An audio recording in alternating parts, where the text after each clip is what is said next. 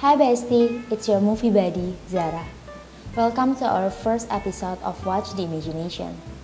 Imajinasi terbaik adalah imajinasi terindah yang dirangkum dengan cantik untuk disampaikan kepada kita. Bila berbicara tentang imajinasi terbaik yang dikemas dengan cantik, tentu saja akan terhubung dengan imajinasi tentang Adam dan Hawa yang bertemu dengan pandangan saling memuja dan tangan yang bertaut meski kadang melawan takdir.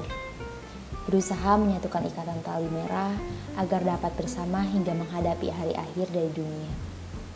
Imajinasi yang diharapkan berisi dengan warna merah muda, lambang hati di mana-mana, kadang menyimpan warna biru yang meninggalkan kesan mendalam terhadap cerita. Imajinasi tentang cinta terbaik versiku adalah The Notebook.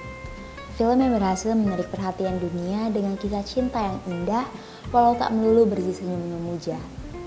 Karya ini berasal dari novel yang merupakan imajinasi pertama Nicholas Charles Sparks yang diterbitkan pada Oktober 1996 dan menjadi jalan pembuka bagi karya-karya indah lainnya yang berhasil ditulis oleh Nicholas.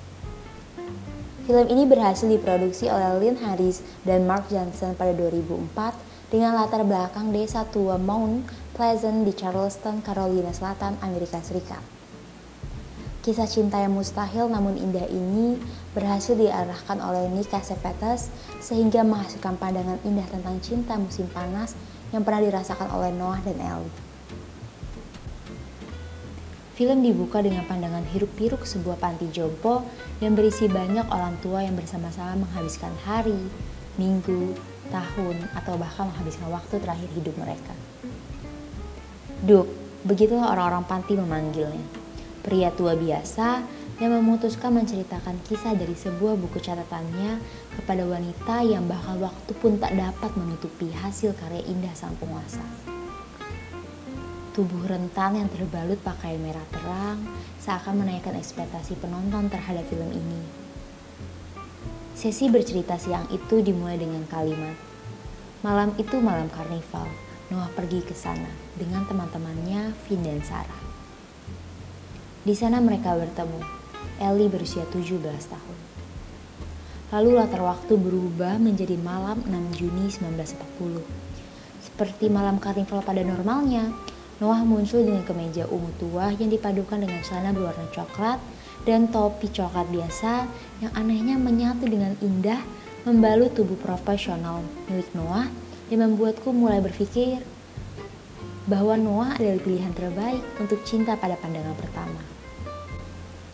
Kisah mereka dimulai dengan pandangan pertama milik Noah yang jatuh pada gadis berambut brunet dengan dress merah menyala, Ellie Hamilton. Gadis dari keluarga kaya raya yang memutuskan untuk berlibur pada musim panas tahun ini. Pandangan itu seakan menyimpan sesuatu yang dalam, entah apa yang dirasakan Noah pada saat itu. Tapi untukku, itu adalah pandangan memuja yang orang awam pun akan tahu bahwa itu adalah cinta pandangan pertama. Ah, bagiku, film ini dimulai dengan manis tentang bagaimana Noah mencoba mendekati gadis brunet dengan senyuman secara musim panas namun terasa hangat seperti musim semi. Percakapan pertama Noah dan Ellie adalah ajakan Noah kepada Ellie yang berisi ajakan berdansa, yang pastinya mendapatkan tolakan. Bila aku adalah Ellie, tentu saja aku juga akan menolak ajakan tersebut. Orang asik aneh mengajakku berdansa. Tentu saja hanya tolakanlah yang keluar dari mulut. Tolakan pertama yang diberikan Ellie pada ajakan Noah berujung tekad kuat Noah yang menghasilkan perbuatan gilanya dengan menaiki kursi biang lala yang dinaiki Ellie dan temannya, yang seharusnya hanya berisi dua orang. Perkenalan aneh Noah berakhir pada ajakan keluar bersama kepada Ellie dengan ancaman yang hanya dapat dilakukan oleh orang-orang mabuk. Pada kasus Noah, kurasa ia sedang mabuk dengan pesona Ellie. well, kurasa pria mana pun akan mengerti bila mereka menjadi Noah. Malam itu ditutup dengan tawa dari seisi karnival pada Noah karena bergelantungan di kincir raksasa dengan celana yang turun menyisakan boxernya menjadi tontonan publik. Lagi-lagi aku tak mengerti bagaimana bisa pakaian kumuh Noah tak menyurutkan ketampanannya. Kurasa Noah cocok menyanding title pria paling tampan di Seaburg pada 1940. Tapi kurasa kesan pertama Ellie pada Noah adalah laki gila yang bergelantungan dengan celana dalamnya di kinci raksasa pada malam itu. Ellie akan setuju bila aku bilang itu adalah momen yang akan terlupakan sepanjang hidup. Lagi-lagi pertemuan mereka diisi oleh kalimat tak masuk akal milik Noah Calhoun yang entah ia sadar atau tidak namun memiliki makna merayu. Kurasa di pertemuan kedua ini Noah seakan meyakinkan Ellie bahwa ia adalah pilihan yang paling tepat untuk Ellie menghabiskan waktu musim panasnya. Namun, Ellie bukanlah tipe wanita yang mudah dirayu hanya dengan kata-kata manis dan senyuman tampan seorang Noah. Kurasa Dewi Fortuna berpihak pada Noah karena jujur saja ia memiliki teman suportif seperti Finn yang membantunya menemui Ellie. Kali ini bioskop malam menjadi latar belakang tempat dengan alibi menonton film bersama dengan Finn dan Sarah. Tapi film yang ditampilkan tak cukup menarik bagi Noah. Karena fokus utama manik indahnya hanya tertanam pada eksistensi milik Ellie seorang. Well, ku tarik ucapanku tentang Ellie adalah gadis berbeda yang tak mudah tergoda. Ia telah terjatuh pada pesona seorang Noah Calhoun seperti gadis lainnya. Entah apa yang dipikirkan oleh Ellie, namun kali ini Noah berhasil membuat Ellie menyetujui untuk pulang bersama Noah. Jalan pulang yang dipenuhi percakapan ringan yang dilakukan oleh Noah dan Ellie menjadi jalan pembuka kisah cinta mereka. Perjalanan ini dipenuhi dengan percakapan yang berisi berbagai pikiran, memori masing-masing tentang diri mereka, dan banyak hal lagi. Perlakuan simpel namun unik milik Noah memberikan pandangan tentang kebebasan yang baru bagi Ellie. Seperti berbaring di tengah jalan di bawah lampu lalu lintas hingga hampir terlindas oleh mobil dan berdansa yang lagi-lagi dilakukan di tengah jalan di bawah lampu lalu lintas. Entah apa hubungan Noah dengan lampu lalu lintas. Tapi itu memang cukup unik.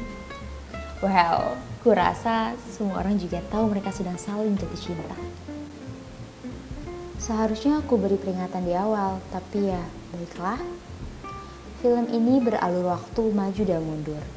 Kalian akan diberikan penyajian indah tentang Noah dan Ellie dengan kisah cinta mereka, juga narasi Duke yang membacakan cerita buku catatannya kepada wanita tua cantik yang telah kusebut di awal. Ellie jatuh cinta, sangat. Kurasa itu yang ia rasakan pada pria tampan dengan suara indah yang sering melantunkan bait-bait puisi kepada sang ayah. Kisah mereka indah, seperti kisah cinta pada umumnya. Hari dipenuhi oleh tawa, senyuman, ciuman, atau bahkan pertengkaran kecil yang Ellie dan Noah lakukan di sekeliling kota. Noah menunjukkan hal-hal indah yang baru kepada Ellie. Kehidupan sederhana yang menyenangkan yang tak pernah ia rasakan. Ellie adalah gadis pintar dan pemberani. Hal-hal baru yang ia, yang telah tunjukkan tak membuatnya takut. Kurasa Ellie menikmati hari-hari indahnya bersama Noah. Kepribadian Noah dan Ellie sangatlah berbanding. Mereka seakan hidup di dunia yang berbeda. Kurasa kau akan mengerti apa maksudku. Noah adalah pria dari kota kecil yang hidup sederhana. Sedangkan Ellie, Ellie adalah gadis dari keluarga kaya raya ia berasal dari kota, perbedaan mencolok dari mereka adalah kasta. Gadis kaya raya dan pria miskin yang jatuh cinta. Sangat klasik, tapi indah. Bukankah kisah cinta mereka indah? Mereka pasangan serasi, saling mencintai lebih dari apa pun. Tapi cinta nggak bisa menghapuskan perbedaan kasta mereka. Ellie tetaplah gadis kaya raya dan Noah, Noah tetaplah pria miskin dari desa kecil. Sebesar apa pun cinta mereka, perbedaan akan tetap terlihat. Hey, mereka tak hidup di zaman di mana kasta bukanlah penghalang besar. Mereka hidup di mana kasta menentukan segalanya. Jadi tolong jangan serang aku bila aku mengatakan bahwa cinta mereka terlihat seperti cinta yang mustahil. Aku tak akan menceritakan semua jalan film ini. Kalian harus menonton film ini bila ingin tahu kelanjutannya. Percaya padaku, kalian tak akan kecewa pada film ini. Musim panas berakhir. Begitu juga Noah dan Ellie. Mereka berpisah. Hanya itu yang bisa aku beritahu. Setelah perpisahan yang terpaksa mereka lalui, baik Noah maupun Ellie mengalami rasa sakit. Tentu saja, mereka dipisahkan dari cinta mereka. Tidakkah kejam? Tujuh tahun sudah perpisahan menyakitkan Ellie dan Noah terjadi. Ellie masih hidup dipenuhi dengan gemerlapnya kota New York. Bahkan Ellie telah memiliki tunangan tampan kaya raya. Seakan-akan ia telah melupakan kisah cinta indahnya dengan Noah. Ia terlihat bahagia. Sedangkan Noah ia terus mengirim surat kepada Ellie dengan harapan dapat kembali bersama. Tanpa ia ketahui bahwa selama ini surat-suratnya selama satu tahun setelah perpisahan antara Noah dan Ellie tak pernah sampai di tangan Ellie. Ibu Ellie tetap sama, merasa bahwa Noah tak pantas untuk gadis cantik sempurnanya. Ia menyimpan semua surat dari Noah hingga tak ada satu surat pun atau kalimat sampai kepada Ellie. Noah mulai sadar bahwa Ellie tak lagi mencintainya seperti ia mencintai Ellie setelah ia melihat dengan mata kepalanya bahwa Ellie bersama dengan tunangannya. Ia sakit hati, atau bisa kita sebut ia gila. ia menghabiskan waktunya membenahi rumah impiannya. Dan Ellie, ia move on, atau setidaknya ia mencoba. Tapi ku beritahu ya, ia masih sangat sangat sangat sangat mencintai gadis cantik itu. Iya, siapa lagi kalau bukan Ellie? Tak ada wanita mana pun yang bisa menggantikan Ellie di hidupnya. Sangat klasik. Film satu ini bukanlah film kisah cinta biasa yang di mana ada enam Hawa tak pernah bersama, bahwa takdir mereka memisahkan mereka segalanya. Ini bukan kisah Romeo dan Juliet, ini kisah Noah dan Ellie. Kisah cinta musim panas sejak 1940 yang tak pernah selesai. Ellie kembali ke Seabrook, kembali ke kota kecil di mana ia pernah melukis senja terindah di usia 17 tahunnya. Ia kembali ke hadapan pria itu. Prianya, Noah Calhoun. Entah apa yang wanita itu inginkan, tapi tindakan yang ia lakukan menjelang hari pernikahannya dengan tunangannya bisa disebut gila. Ia kembali. Ellie kembali ke kepelukan Noah. Banyak hal yang terjadi, banyak juga fakta-fakta yang akhirnya ditampilkan.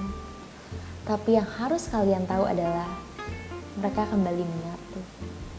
Noah dan Ellie kembali bersama. Kali ini dengan seizin takdir.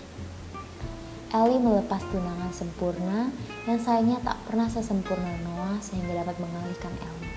Lam Hammett dan Noah melepaskan Martha Sau, janda yang selama ini membantunya untuk mencoba melupakan Ellie. Namun apa kuasa wanita itu? Bila Noah sesungguhnya tak pernah bersungguh-sungguh ingin melepaskan Ellie dari hidupnya. Noah akan selalu memilih Ellie, dan Ellie akan selalu memilih Noah. Stop thinking about what I want, what he wants, what your parent wants. What do you want? What do you want? Adalah kalimat yang dilontarkan oleh Noah. Kurasa dari situ kita bisa mengerti tentang Ellie yang tak ingin mengecewakan siapa pun namun lupa tentang dirinya sendiri. Dan tentang Noah yang inginkan Ellie menjadi prioritas di hidupnya maupun hidup Ellie sendiri. Hari mereka indah, tentu saja.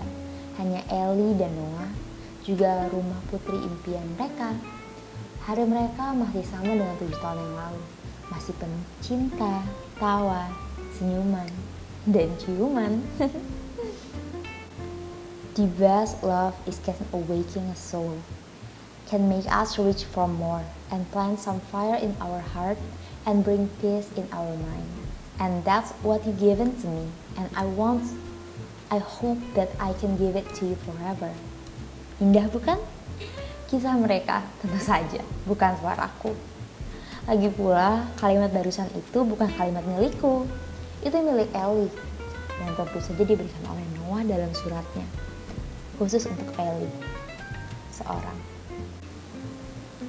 Apakah kalian ingat Duke dan wanita tua yang pernah aku sebut di awal? Pria itu menceritakan sebuah kisah dari buku catatannya kepada wanita tua di sebuah panti jompo kan? Itu mereka, Noah dan Ellie. Kisah cinta mereka bertahan hingga 60 tahun lamanya. Kisah mereka seakan mematahkan kalimat bahwa cinta pertama tak akan pernah berhasil. Karena kali ini, Ellie tetap bersama dengan cinta pertamanya, pria sederhana dari Seabird, Noah Calhoun. Apa yang terjadi? Kenapa Noah dipanggil Duke? Dan bila mereka adalah Noah dan Ellie, Lalu kenapa Noah menceritakan kisah mereka sendiri ke Ellie? Apa yang terjadi?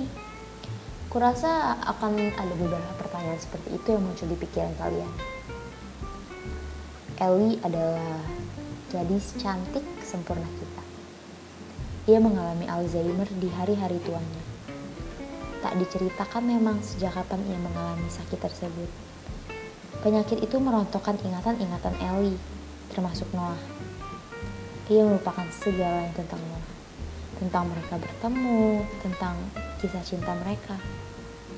Di saat Ellie mulai melupakan segalanya, Noah tetap di sana, berjuang setiap hari dengan menciptakan kisah mereka dengan harapan Ellie akan kembali mengingatnya, mengingat kisah cinta mereka. Harapan Noah terkabul setelah seluruh kisah telah Noah ceritakan, Ellie biasanya akan teringat tentang Noah, tentang kisah yang Noah ceritakan, tentang mereka, cinta mereka, dan keluarga mereka. Tapi kembalinya ingatan Ellie tak pernah berlangsung lama. Ingatan itu hanya berlangsung kurang lebih 5-10 menit. Tak lama, namun cukup bagi Noah karena ia akan terus melakukan hal itu lagi dan lagi dan lagi. Terus menerus, hari demi hari, bulan hingga tahun terlewati. Ia tak masalah selama ia masih ada harapan bahwa Ellie akan mengingatnya kembali. Walau harus mengalami hari-hari yang sama di mana ia menceritakan kisah mereka, lalu Ellie mengingatnya dan kembali melupakannya. Tepat di depan matanya, kembali merasakan rasa sakit karena Ellie akan ketakutan setelah melihat Noah, seakan tak pernah mengalami hal-hal indah dengannya. Karena baginya, bagi Noah, cintanya dan Ellie bisa melakukan apa pun yang ia inginkan, dapat membuat keajaiban dan membuat mereka terus bersama. Setelah malam terakhir Noah menceritakan cerita mereka ke Ellie, Noah dilarikan ke rumah sakit. Tapi tak perlu khawatir, ia kembali dengan cepat. Malam pertama setelah ia kembali, ia habiskan dengan Ellie. Dengan Ellie yang mengingat mereka. Berbicara santai yang mereka akhiri dengan tertidur di satu kasur panti jompo yang kecil. Menutup mata, berpegangan tangan. Mereka pergi, tertidur, selamanya. Seperti kisah yang kusebut di awal bahwa film ini adalah gambaran imajinasi terindah versiku. Kisah cinta klasik yang membuatku percaya bahwa kisah cinta yang akan selalu indah walau harus memiliki air mata. Kisah yang selalu menjadi jawabanku bila ada yang bertanya, mengapa aku percaya pada cinta? Film yang berdurasi 123 menit ini menyuguhkan akting luar biasa antara Ryan Gosling dan Rachel McAdams yang membawa kita ke pandangan terindah tentang cinta pertama di musim panas. Kisah antara Adam dan Hawa yang bertemu walau terpisah karena takdir namun kembali menyatu dengan seizin takdir dan rencana dunia. Shout out to all crew yang berhasil menciptakan imajinasi indah ini menyebarkan untuk kita yang kadang ragu akan takdir cinta. Bila kalian memintaku menilai film ini dan bertanya apakah film ini setimpal untuk ditonton, maka jawabannya adalah 11 per 10 dan iya, sangat iya. Karena sekali lagi, bagiku film ini menangkap imajinasi cinta dengan sangat-sangat indah. Bagaimana dengan kalian? Apa kalian punya imajinasi terindah tentang cinta juga? Beritahu aku dengan menghubungiku di Instagram di @zakiaaz. The end of the imagination does not have always a happy ending because every ending that happened allowed you to imagine more according to whatever your imagination. Your movie by Zara. See you next episode with another the best imagination that ever made. Bye.